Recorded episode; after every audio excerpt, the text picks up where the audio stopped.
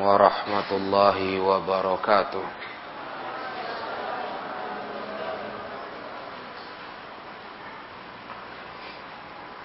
إن الحمد لله نحمده ونستعينه ونستغفره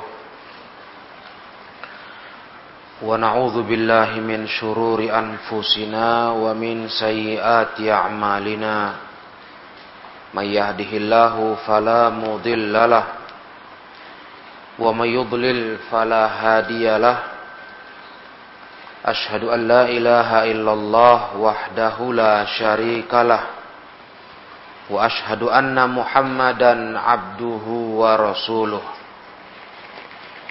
يا أيها الذين آمنوا اتقوا الله حق تقاته ولا تموتن إلا وأنتم مسلمون يا أيها الناس اتقوا ربكم الذي خلقكم من نفس واحدة وخلق منها زوجها وبث منهما رجالا كثيرا ونساء واتقوا الله الذي تساءلون به والأرحام إن الله كان عليكم رقيبا يا أيها الذين آمنوا اتقوا الله وقولوا قولا سديدا. يصلح لكم أعمالكم ويغفر لكم ذنوبكم.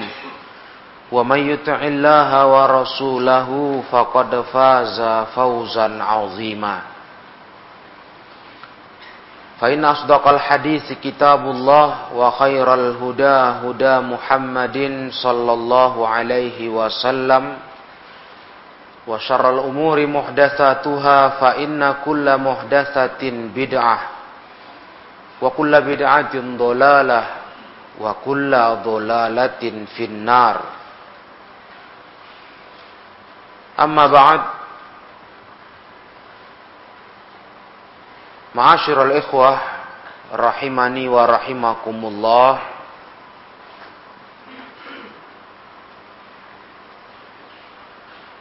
melanjutkan pelajaran Kitabul Haji kita akan masuk ke hadis 620 42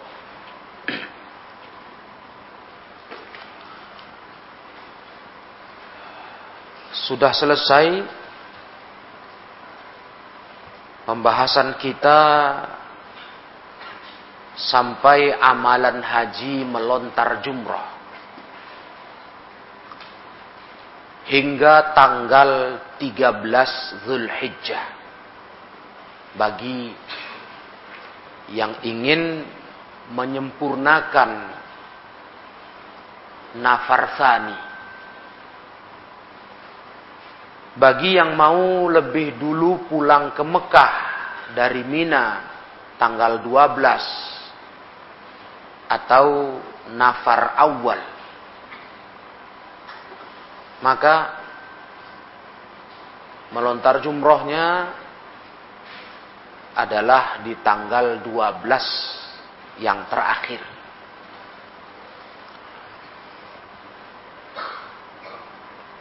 Setelah melontar jumroh para ikhwah, kaum muslimin yang beribadah haji bergerak ke Mekah Ada lagi amalan yang harus dikerjakan di Mekah dari rangkaian ibadah haji. Di antaranya adalah melaksanakan toaf, toaful ifadah. Bagi yang belum mengerjakannya. Umumnya begitu jemaah haji. Toaful ifadah mereka tunda. Yang mestinya bisa diamalkan di tanggal 10 ketika hari nahar.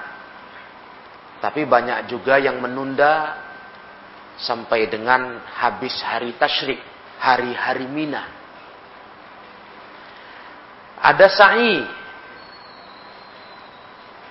bagi yang mengamalkan ibadah haji tanggal 10 tawaf dan sa'i Berarti di hari tanggal 13 dia sudah tak tawaf lagi. Selesai sudah. Ketika dia pulang dari Mina ke Mekah. Nah bagi yang tanggal 10 Jemaah haji sudah boleh melakukan tahallul. Setelah penyembelihan hewan terlaksana dan saat kita sekarang ini sudah diwakilkan kepada pemerintah. Kita tinggal bayar untuk biaya dam atau kurban. Maka masalah yang berikutnya adalah masalah tahallul. Tahallul itu berlepas diri dari ikatan ihram. Semula kita muhrim, orang yang berihram. Selama pelaksanaan ibadah haji. Nah, di tanggal 10 itu para ikhwah, jemaah haji boleh bertahallul. Caranya itu Tahalul dilakukan dengan dua cara. Yang pertama, memendekkan rambut. Pangkas pendek. Iya. At-taksir. Tapi merata ya. Bukan hanya sebagian saja dipotong. Merata. Pangkas pendek. Cara kedua adalah at-tahliku menggundul seluruh kepala. Digundul habis. Al-halak. Nah, ini yang kita akan baca hadis 642. Dua metode ini cara tahallul bagi jamaah haji. Juga bagi jamaah umrah. Sama agar boleh melepas pakaian ihram sudah halal apa yang dilarang waktu berihram itu caranya lakukan tahallul. Memotong pendek rambut atau menggundul habis. Ada dua cara. Dua-duanya sah. Potong pendek dan menggundul habis Nah di sini ada riwayat dari sahabat Abdullah ibnu Umar radhiyallahu taala anhuma bahwa Rasulullah shallallahu alaihi wasallam bersabda, Allahumma arhamil muhalliqina. Qalu wal muqassirin ya Rasulullah. Qala fi thalithati wal muqassirina. Muttafaqun alaih Rasul pernah kata Abdullah ibnu Umar berucap, Ya Allah, rahmatilah orang yang menggundul kepalanya ketika bertahallul. Itu Nabi ucapkan dua kali. Ya Allah, rahmatilah orang yang menggundul kepalanya. Gundul habis. Botak Nah, mendengar itu sahabat tanya, "Wal muqassirina ya Rasulullah, bagaimana orang yang cuma potong pendek ya Rasulullah?" Enggak sampai gundul habis. Botak, tidak. Cuma dipotong pendek. Terserah mau berapa sisir istilah pangkasnya. Yang pasti dipotong pendek. Nah, berarti merata kan? Bukan sebagian saja apalagi sekedar syarat. Wah, itu keliru. Muqassirin maknanya memotong pendek semua kepala, rata. Ketika sahabat tanya itu, Rasulullah pun berkata dalam ucapan yang ketiga, setelah dua kali mendoakan rahmat Allah untuk orang yang menggundul kepalanya. Kata Rasulullah, wal muqassirina. Iya, juga orang yang motong pendek rambutnya. Berarti untuk yang menggundul kepala habis dua kali didoakan Rasul. Rahmatilah ya Allah orang yang menggundul kepalanya. Potong habis, rambutnya habis. Untuk orang yang sekedar potong pendek, berarti masih berambut. Cuma sekali Rasul doakan. Nah, hadis ini riwayat Bukhari dan Muslim. Para jemaah yang dimuliakan Allah tabaraka wa taala. Amalan memotong pendek rambut atau menggundul rambut ini merupakan amalan wajib dari kewajiban haji dan umroh. Itu pendapat yang kuat. Jadi ini termasuk amalan wajib, bukan sekedar melepaskan status ihram kita, nggak sekedar itu, kata ulama. Tapi ini bagian amalan wajib. Mungkin ada orang menyangka itu sekedar untuk melepaskan status kita sebagai orang berihram saja. Tidak hanya itu, tapi ini amalan wajib. Bahkan sebagian ulama mengatakan ini adalah termasuk manasik haji. Bukan cuma amalan wajib, manasik hajinya.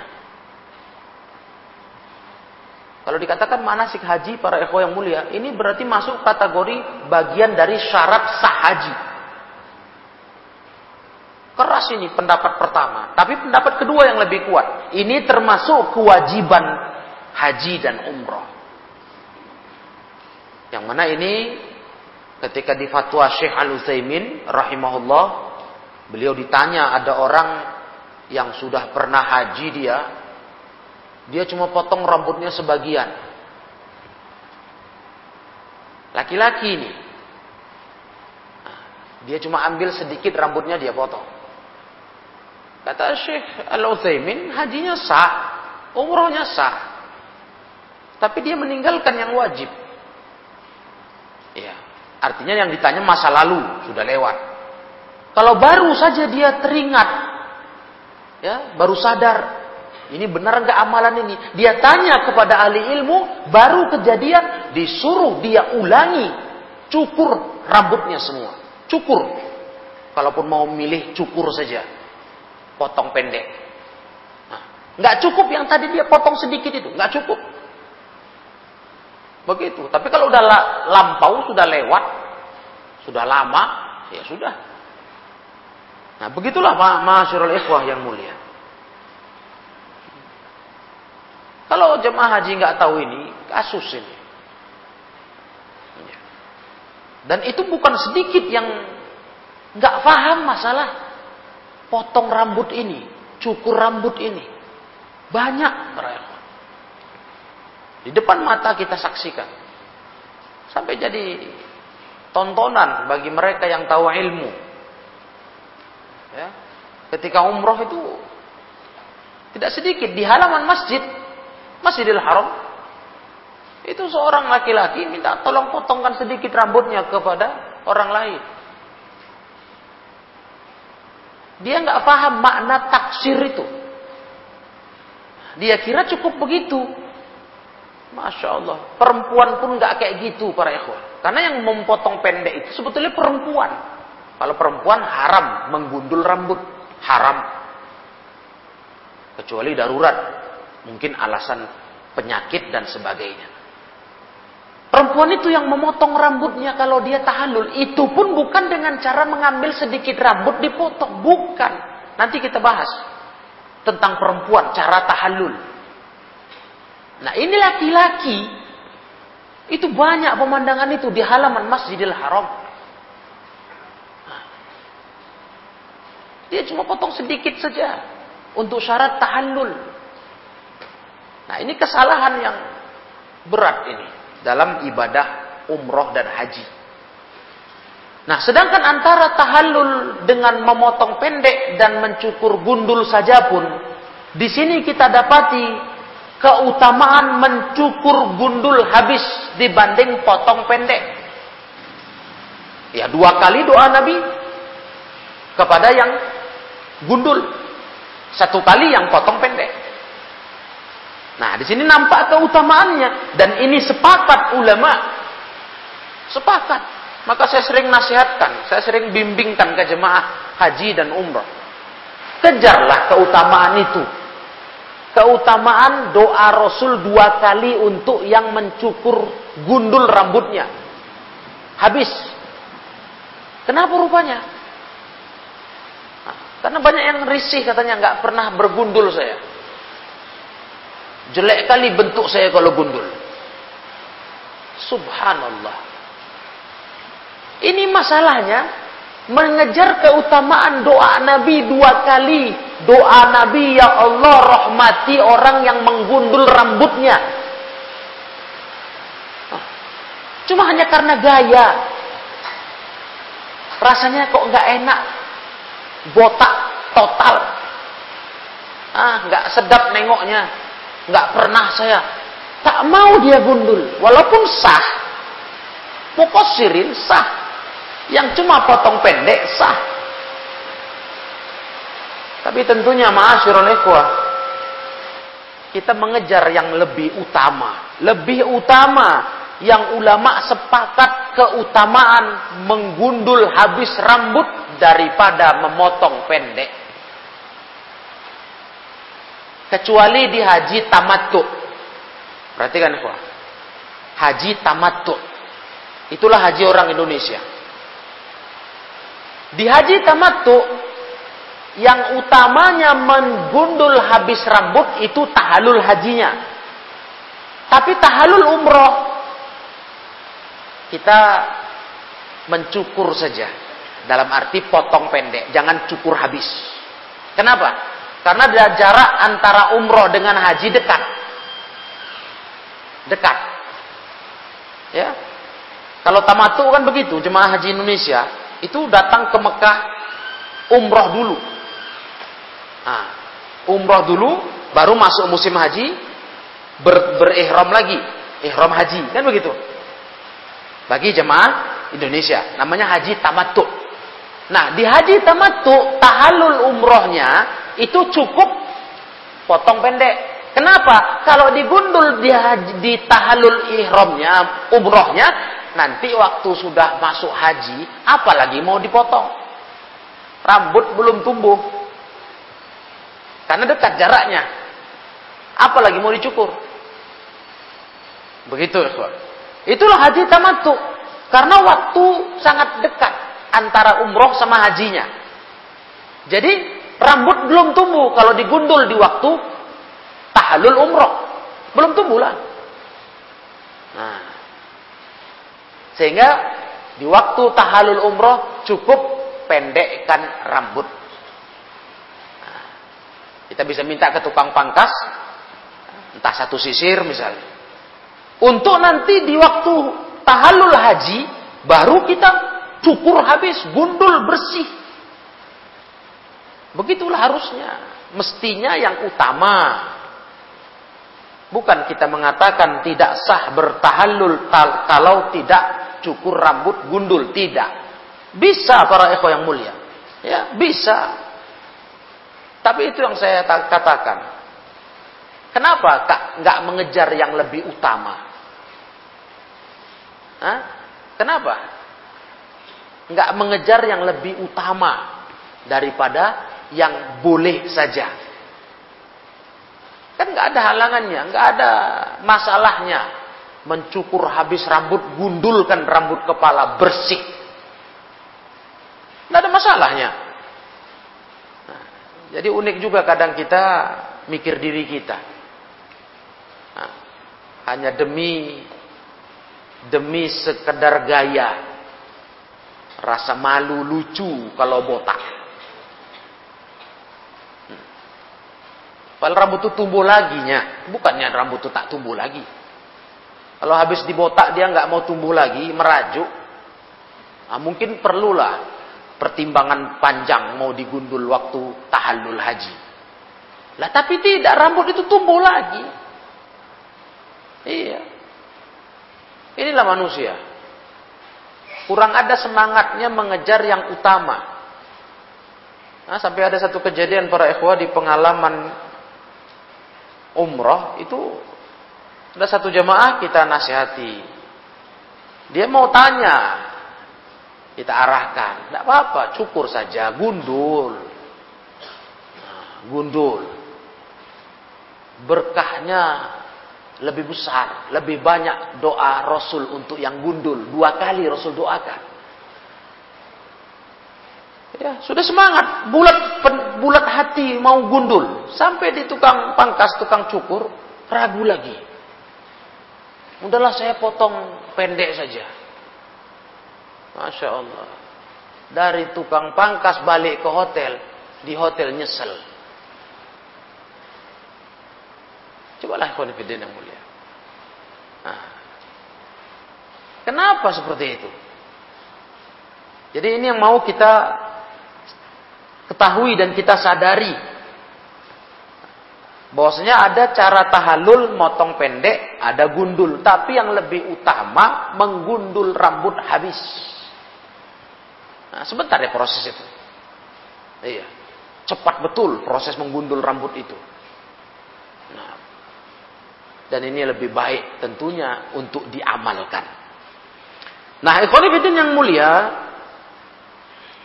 di dalam surah Al-Fatah ayat 27, Allah sebutkan kedua amalan itu, menggundul dan memotong pendek.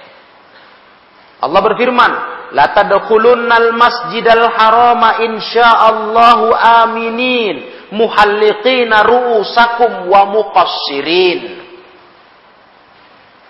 diakui Allah kedua amalan ini kalian sungguh akan masuk ke Masjidil Haram insyaallah dengan aman ya Masjidil Haram itu tempat yang aman aman nah, artinya ada perlindungan dari negara.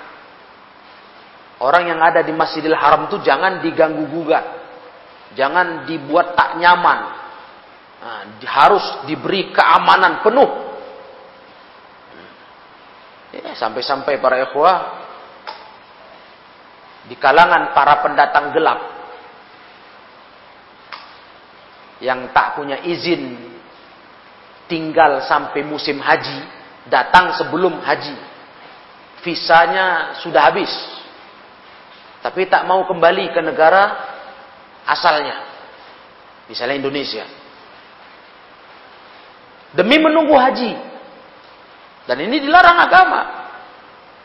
Nah, ini mereka sudah punya satu ketentuan kesepakatan di antara para pendatang gelap ini yang sudah habis masa izin tinggal. Kalau dikejar petugas, masuk Masjidil Haram. Petugas nggak akan ngejar lagi.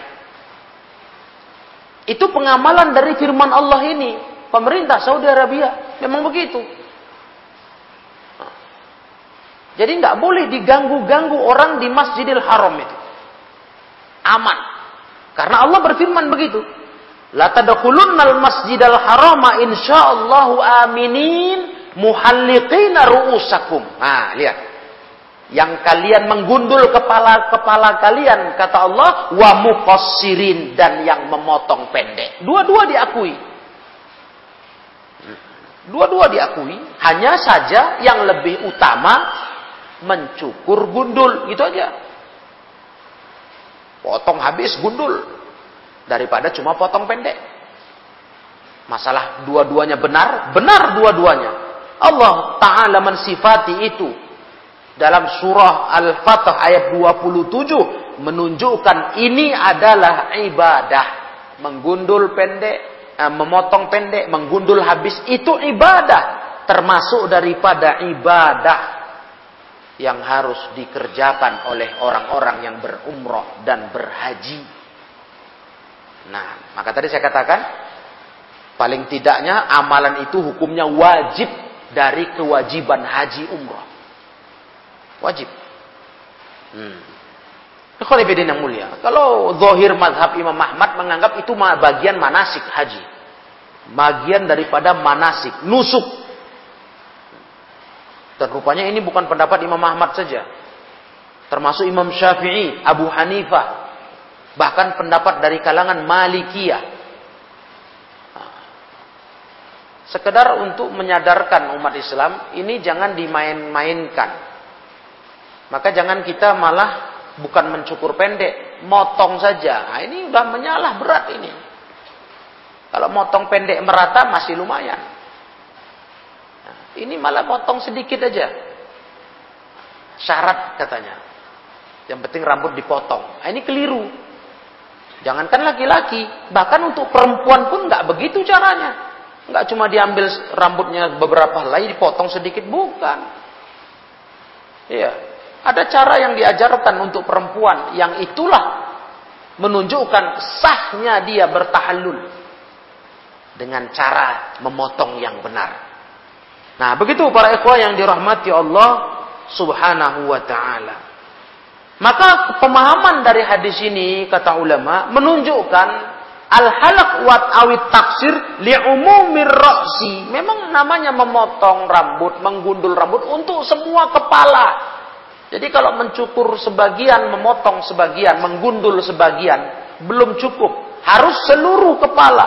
Itu yang ditunjukkan Quran dan Sunnah dan itu ucapan bahkan perbuatan Rasulullah Sallallahu Alaihi Wasallam. Amal Nabi pun begitu. Cukur tuh cukur gundul, habis. Bukan sebagian-sebagian. Potong tuh potong rata. Potong pendek rata. Itu amal Nabi. Amal Nabi. Sabda Nabi. Amal sahabat Nabi. Jadi nggak ada sebagian. Ya, malah sebagian ini dilarang ini. Dilarang untuk kita hari-harian saja pangkas. Nah, dipotong habis sebagian kanan kiri tinggal tengah. Ini model yang haram, dilarang agama. Cukur habis sebagian, ditis, disisakan sebagian. Ini dilarang agama. Jadi bagaimana pula dengan amalan di waktu haji? Nah, jadi ini yang harus dipahami kata ulama, ya. Dan yang benar pendapat para ulama, walaupun ada perselisihan, bahwasanya orang yang memotong sebagian rambutnya atau menggundul sebagian rambutnya annahu la yujzi itu tidak sah. Ini adalah pendapat mazhabnya Imam Ahmad, Malik dan Abu Hanifah. Berarti hanya Imam Syafi'i yang masih menganggap sah walaupun itu disalahkan Imam Syafi'i. Cuma sah. Tapi tiga mazhab lain mengatakan Orang yang tidak mencukur habis rambutnya atau menggundul habis hanya sebagian dia cukur, sebagian dia tinggalkan. Sebagian dia gundul, sebagian dia tinggalkan. Itu tidak sah. La yujzi. Hmm. Kan sayang kan haji sudah jauh-jauh bertamu ke rumah Allah dengan proses yang tidak tidak pendek, panjang, Kayak kita ya, jemaah Indonesia lama menunggunya. Lah tiba di tanah suci amalan haji berantakan. Nah, ini kalau kurang persiapan ilmu. Amalan haji nggak sempurna. Jadi harusnya berilmulah para ikhwah sebagaimana nasihat di kajian-kajian yang lalu harus berilmu tentang manasik haji ini dengan benar dipelajari betul, didalami betul sebelum berangkat ke tanah suci, baik umroh ataupun haji. Iya. Apalagi sudah lama untuk dapat jatah haji itu bisa kita rasakan, kita amalkan.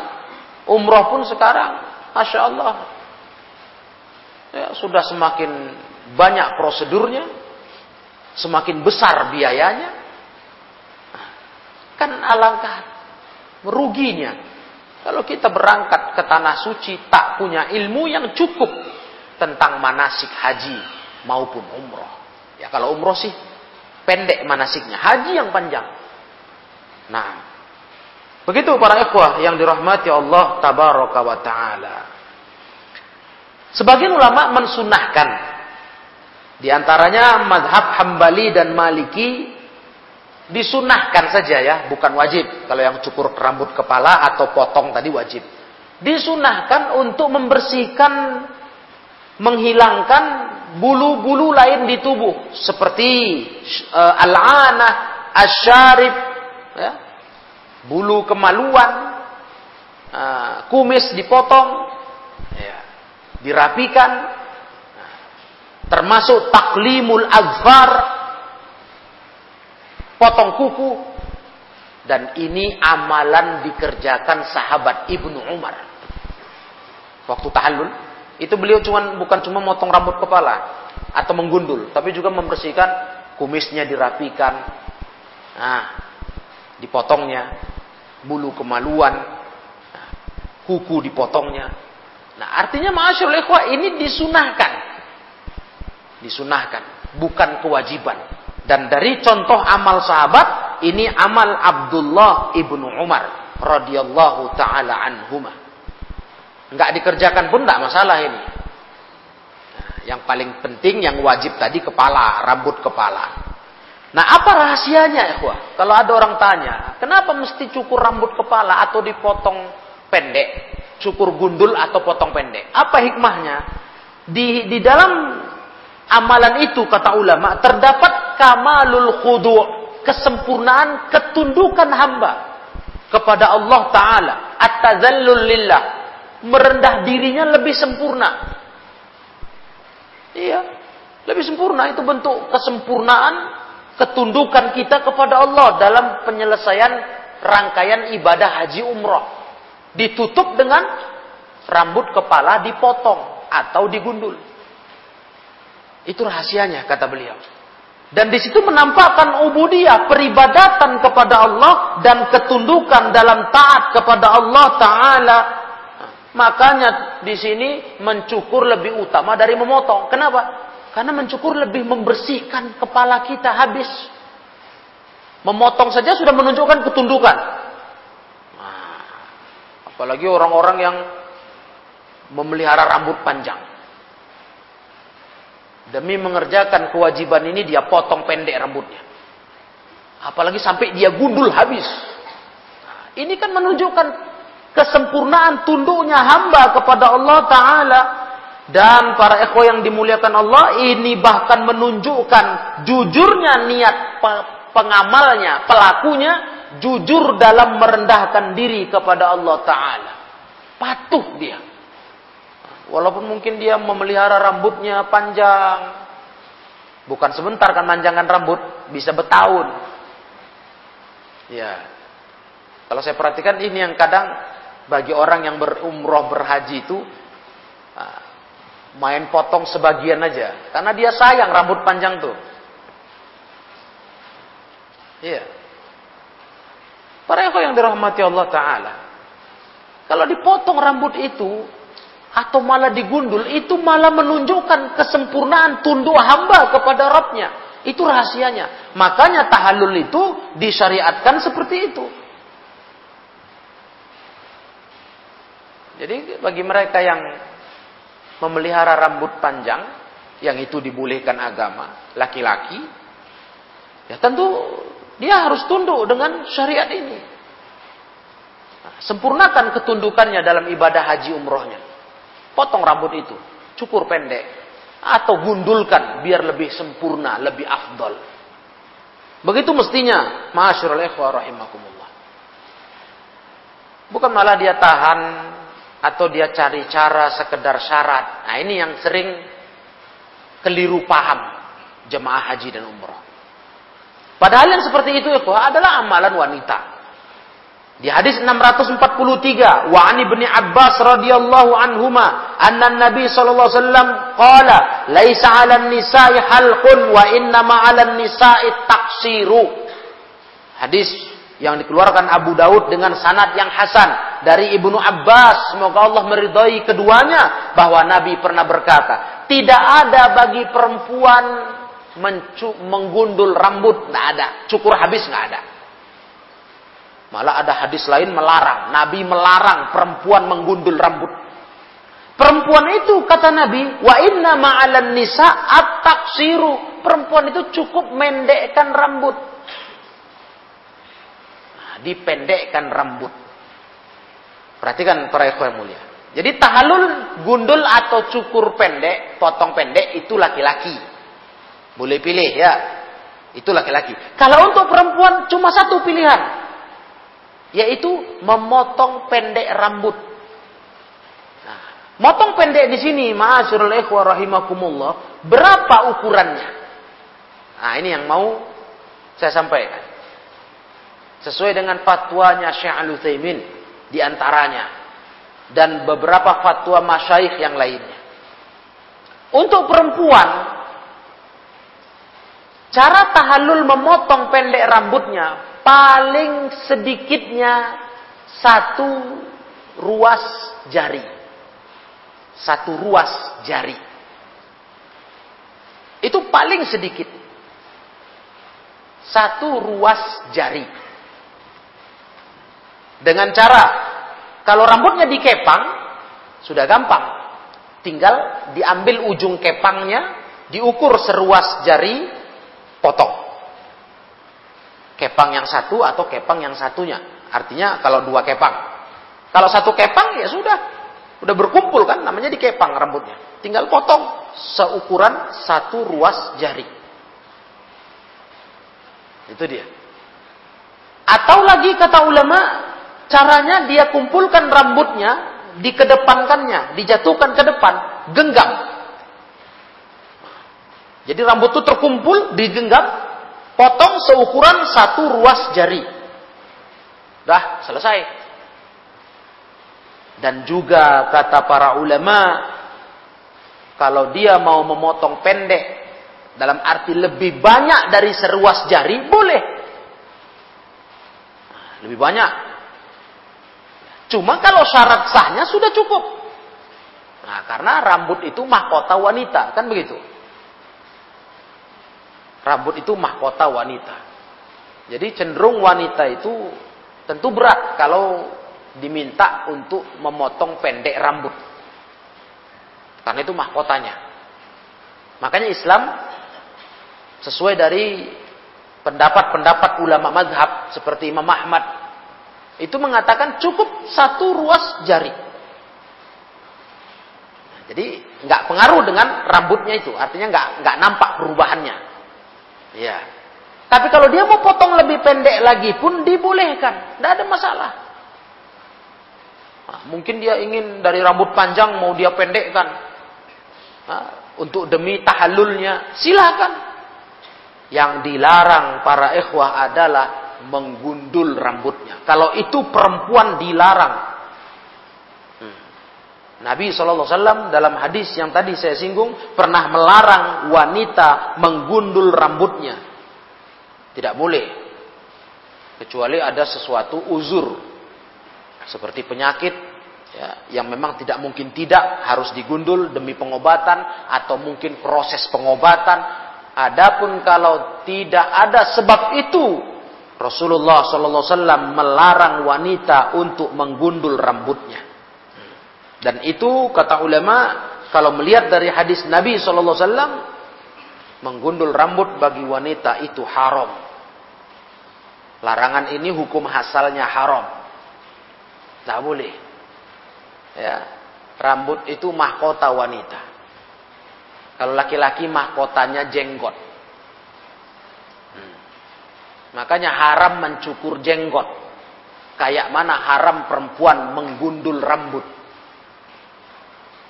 Nah, hanya saja mungkin fitrah kita umat Islam dirusak ha, oleh orang kafir.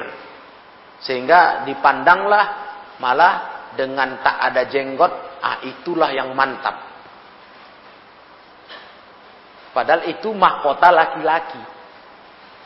Sama kayak mana kita asing nengok perempuan botak. Saya rasa agak sulit nanya laki-laki nengok perempuan botak cantik. Itu agak sulit nyari ya. Untuk minta laki-laki bilang perempuan botak cantik. Agak sulit itu saya rasa cari orangnya. Nah, begitulah mestinya laki-laki cukur jenggot untuk dibilang gagah. Itu harusnya sulit begitu menilainya. Karena jenggot itu mahkota laki-laki. Sama kayak rambut mahkota wanita. Nah. Nah ini para ikhwah rahimakumullah. Makanya Rasulullah SAW yang besar kali cerita umat Islam nih ngakunya cinta Nabi. Cinta Nabi, mengagungkan Nabi, memuliakan Nabi, menghormati Nabi. Tapi kenapa nggak mereka lihat bagaimana fisik Nabi Sallallahu Alaihi Wasallam? Kok enggak itu yang mereka banggakan, yang mereka kepingin sekali seperti itu? Wa kana Rasulullah sallallahu alaihi wasallam katiful liha. Adalah Rasulullah lebat sangat jenggotnya, lebat. Alami lebat. Sehingga saking lebatnya kata para sahabat, kami tahu Rasul membaca di solat Syria, zuhur dan asar karena bergerak-gerak jenggotnya, tanda mulutnya membaca. Bukan nampak mulutnya, nampak gerakan jenggotnya bergetar. Itu nggak nampak ya dari belakang kalau nggak karena lebatnya jenggot. Inilah sosok Nabi kita Muhammad sallallahu alaihi wasallam. Lah kok bisa terus dirasa tak cocok berjenggot laki-laki itu? Semak. Tuh. Tapi kau ngaku Nabi Muhammad itu junjunganmu. Atau kau nggak pernah kenal kecuali cuma nama tok. Kau pikir klimis dia? Hah? Bersih dagunya. Apa umat Islam ini? Masa nggak kenal nabinya, cuma cerita nama tok taunya. Begitu cerita bentuk nabi, tak kenal dia. Nah, malah macam-macam dia katakan masalah jenggot ini. Padahal nabinya SAW orang yang paling ganteng. Yang kata Aisyah Ummul Mukminin Rasulullah itu wajahnya seakan-akan seperti malam bulan purnama. Iya, sampai muncul perselisihan di kalangan ulama biar ikhwah tahu Siapa yang lebih ganteng? Nabi Muhammad atau Nabi Yusuf? Muncul perselisihan di kalangan ulama. Yusuf yang begitu gantengnya. Sampai jadi perdebatan ulama. Ganteng mana dengan Muhammad Wasallam? Dan tampang orang yang dibahas lebih ganteng mana? Itu jenggotnya lebat. Ini tambahan faedah. Untuk orang yang banyak cakap cerita cinta Nabi. Sampai maulid Nabi tapi kau tak tahu muka Nabi. Tak tahu kau gaya Nabi. Inilah tampang Nabi. Yang ganteng luar biasa itu. Berjenggot lebat. Katiful leha. Saking lebatnya sampai Rasul kalau berudu menyela-nyela air ke dalam jenggotnya biar kena dagunya. Karena kalau diginikan aja air nggak kena dagunya itu. Kan lebatnya jenggotnya. Maka Rasul menyela-nyela jenggotnya supaya masuk air wudhu itu. Begitulah ikhwan fillah yang mulia. Jadi mahkota laki-laki jenggotnya, perempuan rambutnya. Maka perempuan dilarang menggundul rambutnya kecuali untuk kepentingan darurat. Wallahu a'lam. Kaum muslimin yang dimuliakan Allah tabaraka wa taala. Di hadis 2643 tadi insyaallah sudah jelas. Ya, Bagaimana aturan cukur dan e, memendekkan rambut bagi laki-laki dan perempuan? Intinya perempuan nggak ada namanya gundul rambut cukur habis nggak ada. Itu nggak ada bagi perempuan. Ya, perempuan hanya boleh at-taksir memendekkan rambutnya seukuran seruas jari. Nah, itu cukup. Atau kalau mau lebih panjang boleh namun tidak boleh sampai menggundul rambutnya. Nah, hadis 644 wa an Abdullah bin Amr ibn al-As radhiyallahu anhuma anna Rasulullah sallallahu alaihi wasallam waqafa fi hajjatil wada' faja'alu yas'aluna dari Abdullah bin Amr ibn al-As, semoga Allah meridai keduanya, bahwa Rasulullah pernah berdiri waktu haji wada dalam kejadian haji wada. Sehingga para sahabat bertanya ke Nabi. Ada kesempatan tanya karena Nabi sedang tidak sibuk di haji wada. Qala apa kata seorang laki-laki? Faqala rajulun lam ash'ur fahalaktu qabla an azbah. Qala izbah wala haraj. Aku tak Tak sadar ya Nabi, artinya tak sengaja. Lam ashur. nggak nggak menyadari aku ini memotong rambutku belum lagi menyembelih kurban hewan. Artinya gimana ini ya Rasul? Aku uh, cukur rambut sudah habis halak gundul tapi belum motong motong hewan hewan kurban. Bagaimana ya Rasul? Kata Rasulullah, "Idbah wala haraj." Udah, sekarang kau sembelih, nggak ada masalah itu. Nah, perhatikan ya, Ini rangkaian amalan tanggal 10. Kan tanggal 10 hari menyembelih. Jadi ada orang tanya, "Aku udah keburu gundul ya Rasul, nyembelih belum?" Ya sudah kau sembelih kata Rasul, tidak ada masalah. Wajah akhir, wajah akhir, fakola datang orang kedua. Orang ini bertanya lagi, lam ashur fanahartu qabla an urmiya faqala irmi wala haraj. Aku pun begitu ya Rasul. Aku nggak sadar. Aku sudah menyembelih hewan tapi belum melontar jumroh. Ah, bagaimana ini ya Rasul? Kata Rasulullah, ya sudah, sekarang kau melontar, nggak ada masalah.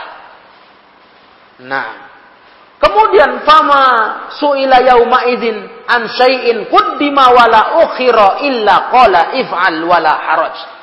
Dan tidaklah Nabi ditanya di hari itu, di tanggal 10 itu tentang sesuatu yang lebih didulukan amalannya atau ditundakan kecuali Nabi selalu menjawab kerjakanlah, nggak ada masalah, nggak ada dosa. Jadi di tanggal 10 itu, ma'asyiral ikhwah, memang ada amalan apa? melontar jumroh, jumratul akobah, iya kan? Tanggal 10 yang udah kita lewati ilmunya.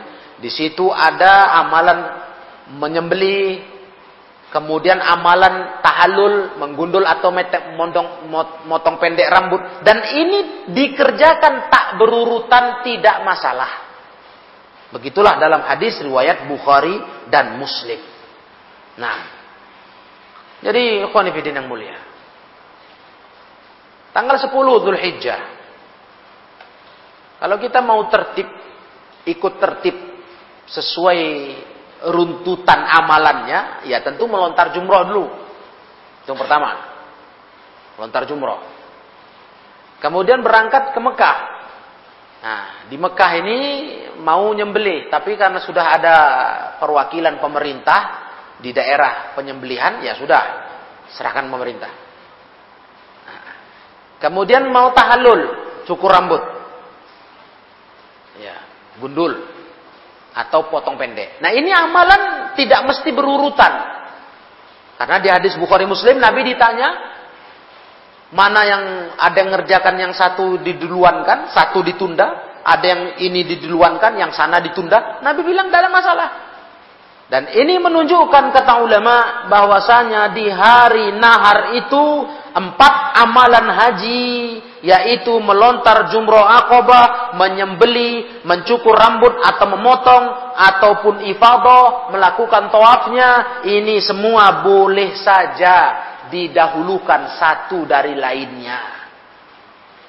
Nah, kalau ada jemaah haji acak ngerjakannya boleh. Tapi kalau mau lebih aman supaya tertib dalam ingatan kita praktek amalannya ya ikut urutannya. Cuma kalau kondisinya terkondisi acak ngamalkannya nggak urutan boleh. Itu saja. Nah, tapi kalau nanti belajar manasik haji bagi para jemaah haji ya tentu diajar yang urutannya. Lontar jumroh dulu dan seterusnya. Kalau di praktek lapangan mungkin jadi ada yang mengacaknya tidak urutan, silahkan. Itu tidak dipermasalahkan. Ini menunjukkan kata ulama lapangnya syariat Islam, hukum-hukumnya, ibadahnya tak ada yang menyusahkan bikin sempit umat Islam. Jadi cenderung ringan tanggal 10 itu ya, Amalannya cenderung bebas. Walaupun yang tadi dikatakan ulama mengurutnya itu tentu lebih tertib saja urutannya. Artinya kita nggak bolak-balik bolak-balik nanti ikut urutannya. Iya. Nah, di sini ada tambahan faidahnya ikhwah, bahwasanya disunahkan atau dituntunkan di hari-hari pelaksanaan manasik haji itu disediakan orang alim untuk tempat bertanyanya masyarakat jemaah haji tentang seputar hukum-hukum haji. Ya, kayak Rasulullah SAW berdiri beliau tegak, ah, kesempatan sahabat pada nanya. Nah, inilah sekarang di kerajaan Saudi Arabia yang sudah diterapkan bertahun-tahun. Ya, kalau ikhwah yang pernah ke sana Ya, kalau perhatian ya, kalau di umroh, antum nggak jumpa petugasnya, ulamanya nggak ada. Paling pos-posnya ada. Kalau perhatian. Tapi kalau di haji, itu pos-posnya terisi. Ada sosok orang alim yang ditugaskan pemerintah duduk di pos itu. Nah, seperti rumah kecil. Nah, di situ duduk seorang yang dianggap berilmu yang ditunjuk pemerintah yang bertujuan memberi penyuluhan kepada jemaah yang bertanya. Jadi kita kalau bertanya, ada bingung kita masalah haji, nggak paham kita masalah haji, ada yang kita rancu, datang ke pos itu. Nggak pandai kita bahasa Arab, cari pos yang ada pendamping syekhnya orang Indonesia, biasanya mahasiswa. Dia akan terjemahkan nanti. Nah, itulah dia ikhwah landasannya. Karena dulu kalau kita nggak ngerti, kita nggak heran untuk apa mesti ada pos-pos ini. Nah, yang diisi di dalamnya uh, seorang syekh atau orang alim dari ulama dan ada penterjemah. Untuk apa? Ternyata itu gunanya meneladani yang Rasulullah SAW lakukan dulu. Tapi sayangnya ya, ini saya angkat karena tujuan memberitahukan satu hal yang disayangkan ini. Yang sangat kita sayangkan, Masya Allah. Jemaah haji Indonesia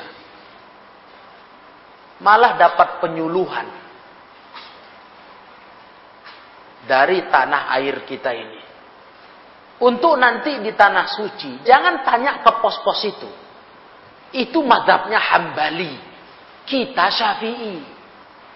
Tak sama nanti katanya. Masya Allah. Pos itu disediakan pemerintah Saudi Arabia untuk memberi penyuluhan. Ada masalah problem-problem masalah haji kita bingung, tanya. Dia akan kasih jawaban. Ini malah diberi penyuluhan, jangan tanya ke situ. Itu adalah paham hambali. Nggak kena kita syafi'i. Yang diberi penyuluhan pun nggak paham syafi'i itu apa. Hambali itu apa. Astagfirullahaladzim. Nah ini yang saya sayangkan. Kayak anti kali dengan hambali. Kayak anti kali. Padahal berapa banyak sudah amalan hambali yang dikerjakan orang Indonesia. Hah? Iya. Amalan hambali itu. Malah syafi'i nggak cocok itu. Kirim pahala baca Quran. Hambali itu. Syafi'i mana ada. Nah, tapi nggak pernah berhenti. Mengamalkan kirim Al-Fatihah. Bacaan-bacaan untuk orang mati. Kirim pahala kata kita. Itu hambali. Syafi'i nggak ada itu. Nah, jadi unik sekali lah. Fanatisme mazhab ini bahaya. Merusak beragama. Bahkan yang seakan-akan para fanatis ini, macam dia paham betul mazhab. Jadi dimusuhi. Dimusuhi, na'udzubillah min zalik. Dimusuhi. Walaupun nggak terang-terangan untuk menuding itu ahli fatwa sesat. Nggak. Cuma begitu bahasanya. Itu hambali kita syafi'i. Nggak cocok tanya ke situ. Dan ini kok bukan hanya perasaan, tapi saya lihat langsung. Saya dapati langsung, bahkan yang lebih mengerikan lagi. Walaupun setelah setelah itu, setelah eh, tahun-tahun uh, berikutnya, nggak dapat lagi kita sikap di kebetulan di tahun haji itu. Pulang dari haji jamaah Indonesia. Pulang dari haji. Ketika kita tiba di asrama haji. Itu ada satu ruangan meja dengan petugas. Mengharuskan kita membuka buah tangan kitab-kitab yang kita beli dari tanah suci. Untuk dicek apakah kitab sesat atau tidak. Ini saya alami, bukan cerita orang. Sampai sesak dada kita nunjukkan kitab itu. Mau kalian apa ini? Dari tanah suci kalian mau cari kitab sesat. Nah, jadi dengan rasa dada sesak ini kita taruhkan di mejanya. Hah, kau baca ini. Kalau kau bisa baca, kau baca ini. Geram kali rasanya kok. Sakit, tersinggung kita. Kitab-kitab dari tanah suci bagaimana mau kau cek kesesatannya? Untuk jangan masuk faham-faham radikal. Dan kitab itu rata-rata ikhwanifiddin yang di, di tangan jemaah haji yang diperiksa itu. Kitab dari pos-pos itu gratis. Gratis. Jadi bagi yang nggak bisa bahasa Arab, cari pos yang ada pembagian kitab terjemahan. Wow, itu gratis. Pendamping penterjemah tuh nah, ditanya Indonesia atau Malaysia atau apa yang orang Asia Kitab Indonesia keluar kitab Indonesia terjemahan. Nah, sekian kitab, sekian kitab. Masya Allah. Nah, itu yang mau diperiksa. Itu kitab resmi dari pemerintah Saudi Arabia. Isinya masalah tauhid, manasik haji, umroh, masya Allah, tuntunan puasa sunnah dan sebagainya. Nah, ini kenangan buruk sikap yang tidak sepatutnya dilakukan nah, kepada jemaah haji yang membawa oleh-oleh kitab-kitab gratis ini dari tanah suci. Karena mereka yang dirahmati Allah tabaraka wa taala, kalau cerita kitab-kitab yang menyalah di sana lebih ketat. Iya. Mana mungkin bisa beredar kitab-kitab menyalah itu bebas. Ketat sekali di sana. Tapi kalau Saudi memeriksa orang Indonesia, bawaan Indonesia pantas. Ya, saya udah pernah cerita mereka. Nah, masuk orang Saudi Arabia resmi itu. Jemaah Indonesia bawa primbon. Ditangkap sampai dimasuk karantina. Mau diintrograsi. Ini kitab apa? Kitab sihir apa? Kata petugas. Datang ke dutaan besar Indonesia. Ngasih keterangan. Oh bukan. Ini bukan kitab mantra-mantra. Ini cuma primbon Jawa. Baru dilepas dia. Kalau itu ya pantas. Karena memang negara kita kendor masalah itu. Nah, kalau Saudi Arabia bagaimana dikhawatirkan? Negara tauhid. Susah kita mau cari kitab-kitab menyimpang yang salah beli susah yang sifatnya merusak akidah ya jadi begitulah ma'asyiral ikhwah yang mulia. Jadi di sini hadis nomor e, eh, 644 ada tuntunan bagi jemaah bagi pemerintah itu menyediakan orang alim tadi untuk tempat orang bertanya masalah haji. Dan itu dibuat ya, sudah dibuat. Nah, hanya diaktifkan itu di musim haji. Nah, itu setiap pos diisi oleh para masyaikh untuk menjawab apa muskilah jemaah yang butuh diberi pencerahan. Dan itu masya Allah banyak negara-negara ya dari segala negara datang ke situ minta fatwa, minta bimbingan.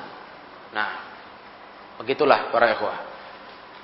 Nah, dengan hadis 644 ini ya, kita dapat ilmu di hari nahar itu tidak harus tertib Walaupun syariatnya tetap tertib yang lebih baik. Ikut urutan amalnya itu lebih baik. Nah, tentu yang amalan itu melontar jumroh lah dulu. Namanya kita dari Mina.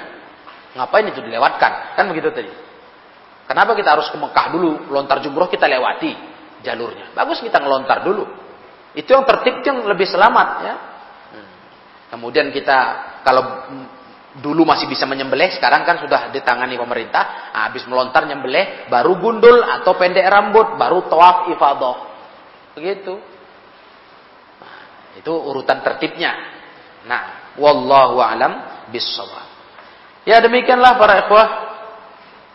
Untuk pelajaran tambahan ini ada tiga hadis yang bisa kita tambahkan. Insya Allah uh, sudah semakin mendekat kepada akhir daripada amalan haji, rangkaian amalan haji. Sudah hampir sempurna. Sampai nanti kita akan tuntaskan seluruh hadis dalam rangkaian ibadah haji ini. Sehingga amalan ibadah haji ini sudah ada gambarannya di pikiran kita dan sudah bisa kita bayangkan bagaimana pelaksanaannya. Yang mudah-mudahan Allah tabaraka wa taala memudahkan kita untuk dapat melaksanakan ibadah haji yang mulia ini. Demikianlah wallahu a'lam bissawab. Wa akhiru da'wana anil hamdulillahi rabbil alamin.